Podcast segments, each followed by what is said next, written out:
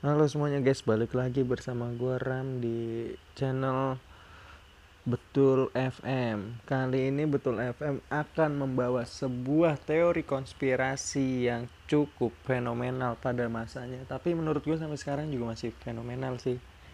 Dan sebelum kita lanjut seperti biasa, gue minta buat kalian untuk tap follow tombol follow-nya di Spotify atau di Anchor. So, Sebelum kita lanjut, kita mulai openingnya dulu.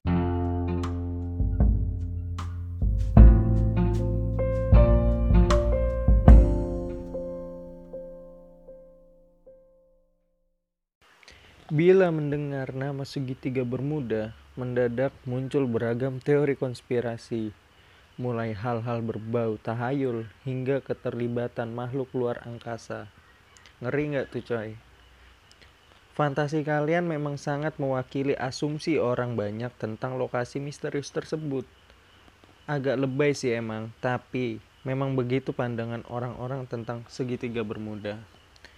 Mitos-mitos tersebut muncul secara masif, salah satunya disponsori para pembuat film. Beberapa film Hollywood seperti The Triangle, Bermuda, Save of the Shark, Lost Voyage, The Bermuda Triangle dan masih banyak film-film yang menurut gua menarik. Kalian juga bisa nonton atau searching dulu di Google ya kan. Terus nonton filmnya gitu. Nggak heran kalau kawasan perairan seluas sekitar 800.000 km yang terletak di antara Miami, Puerto Rico, dan Bermuda ini menjadi perbincangan warga dunia. Dan lebih sering lagi diperbincangkan sebagai hal-hal berbau mitos ketimbang uji ilmiah. Meski berbagai penelitian ilmiah telah berlangsung dan dipublikasikan, menurut Becky Vera, jurnalis Motherboard The Fish. Pada tulisannya berjudul Atlantis Aliens and Time Warp The Enduring Mystery of Bermuda Triangle, mitos terhadap segitiga Bermuda tak akan pernah luntur. Nah, biar kalian semakin penasaran gitu kan sama apa uh, segitiga Bermuda ini, gue udah uh, membuat ulasan mulai dari kasus-kasus misterius sampai penjelasan ilmiah tentang segitiga bermuda. Oke? Okay? Letak geografis.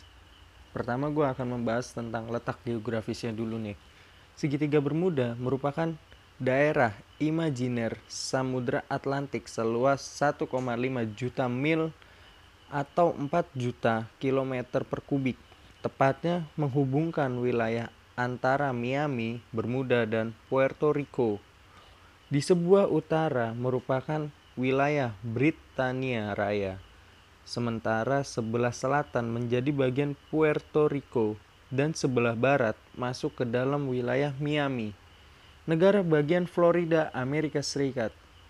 Karakter cuaca di kawasan segitiga Bermuda memang terkenal sering berubah bergelojak dengan cepat biasanya disebut karakter Gulf Stream. Pola cuaca Karibia Atlantik juga dipengaruhi badai petir lokal. Sementara topografi dasarnya lautnya di beberapa lokasi memiliki parit laut terdalam. Hal itu belum lagi ditambah interaksi arus kuat bawah air. Meski begitu, Kawasan segitiga Bermuda sejatinya bukanlah kawasan perairan mematikan di dunia. Laut Cina Selatan dan Hindia Timur, Mediterania Timur, Laut Hitam, Laut Utara, dan Kepulauan Inggris menurut laporan WWF.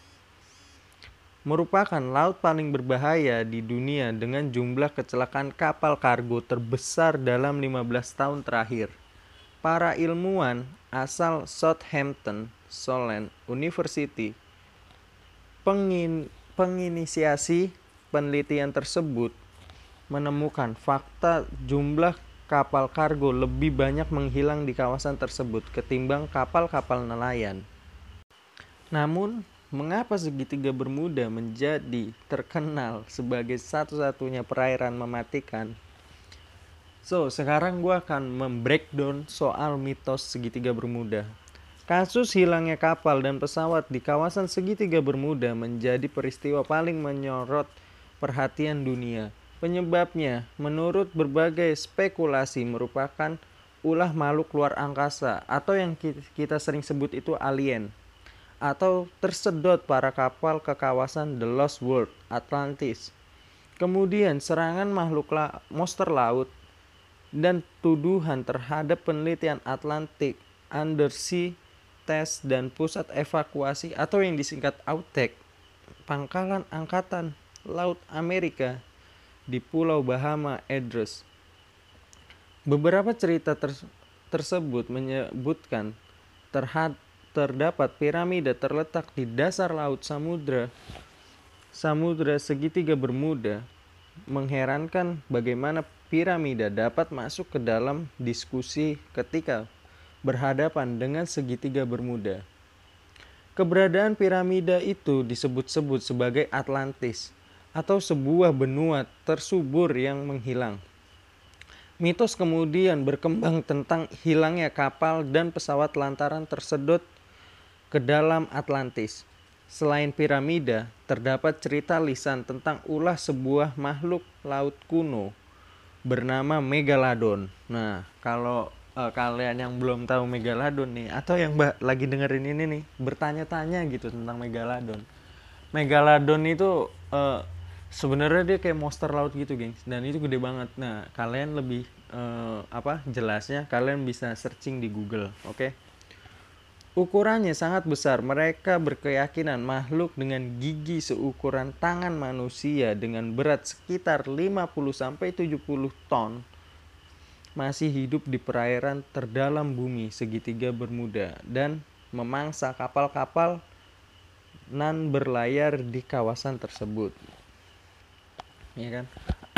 Terus gue akan breakdown sedikit tentang teori konspirasinya nih Penggemar teori konspirasi sering sekali mengaitkan kejadian di kawasan tersebut lantaran aksi alien.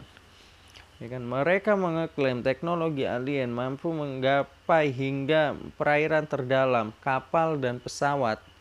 Yang hilang itu ditarik ke dasar laut dan masuk ke dunia alien. Penjelas. Nih, oke, okay, itu dia. Itu dia soal uh, tentang mitos dan teori konspirasinya, ya kan? Pasti kan kalau di dunia ini kalau udah ada mitos itu nggak seru ya kan? Kalau nggak ada teori konspirasi. Oke kali ini gue akan breakdown lagi tentang penjelasan ilmiah ya kan? Karena sesuai janji gue yang tadi eh, gue akan breakdown di beberapa uh, materi gitu. Jadi sekarang gue masuk ke penjelasan ilmiah. Munculnya beragam kisah misterius hilangnya beberapa armada seperti kapal laut dan pesawat mulai mencuat setelah Edward Van Witt Ricky Jones, seorang wartawan Miami pada tanggal 16 September 1950-an, mempublikasikan beberapa kejadian di kawasan tersebut. Dalam artikelnya dimuat Associated Press.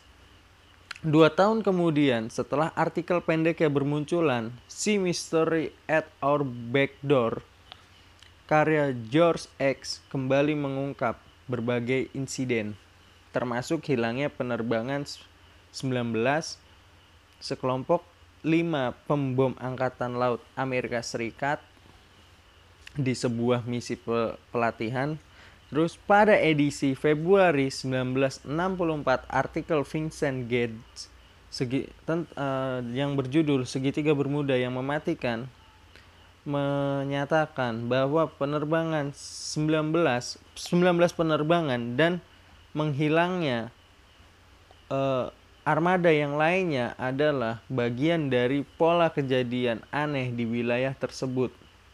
Tahun berikutnya, Gates memperluas artikelnya ini menjadi sebuah buku yang berjudul Invisible Horizons. Laporan para jurnalis tersebut kemudian memancing antusias masyarakat dan juga para peneliti untuk memecahkan misteri ini segitiga Bermuda menurut Dr. Simon Boxall, seorang ahli kelautan asal Universitas Southampton, Inggris. tidak pantas disebut memiliki reputasi atau misterius. Fenomena Bermuda sangat mudah dijelaskan menurut Boxel. Boxel menyebutkan ada gelombang regul sebagai penyebab hilangnya kapal-kapal di kawasan tersebut. Gelombang regul tersebut datang dan pergi dengan sangat acak dan cepat tetapi selalu menjadi bagian dari badai. Boxel juga menilai lalu lintas maritim yang sibuk di segitiga Bermuda sebagai faktor kunci mengapa kecelakaan sering terjadi. Terus ada lagi laporan Coast Guard 2016 menunjukkan di area ini 82% dari semua insiden melibatkan lalu lintas laut dalam bentuk apa pun disebabkan oleh orang yang tidak memiliki pengalaman atau pelatihan Boxel menyimpulkan segala misteri di segitiga Bermuda bisa dijelaskan secara ilmiah. So itulah sebuah teori konspirasi di channel ini yang baru gitu kan. Itu teori konspirasi tentang segitiga Bermuda. Kalian percaya yang mana gitu? Ya kan? Tentang teori konspirasinya atau tentang penjelasan versi ilmiahnya. Kalian bisa tulis di kolom komentar. Nanti gue kasih link ke IG gue gitu. Nanti pokoknya setiap yang gue share di uh, podcast gue di Spotify gue kasih link IG karena kenapa? Karena biar kalian bisa komentar gitu kan biar ada feedbacknya gitu. Kita bisa diskusi bareng-bareng. Nah kalian juga bisa DM DM di seputar misteri atau kasus menarik di Instagram betul.fm nanti gue kasih taruh linknya sekalian itu. Nah kalian bisa DM DM dah tuh oke? Okay? kasus menarik Nah, buat kalian yang ingin berdonasi juga bisa langsung aja tap tombol donasinya itu kan di Spotify kalian ada di deskripsi box. Nah, nah kalau ada yang nanya buat apa Bang donasinya? Ya buat dapur kita gitu kan, buat podcast ini lebih biar lebih berkembang gitu. Nah, oke, okay. segitu aja dulu dari gua sekarang yang gua share. Thanks for listening and see you next podcast.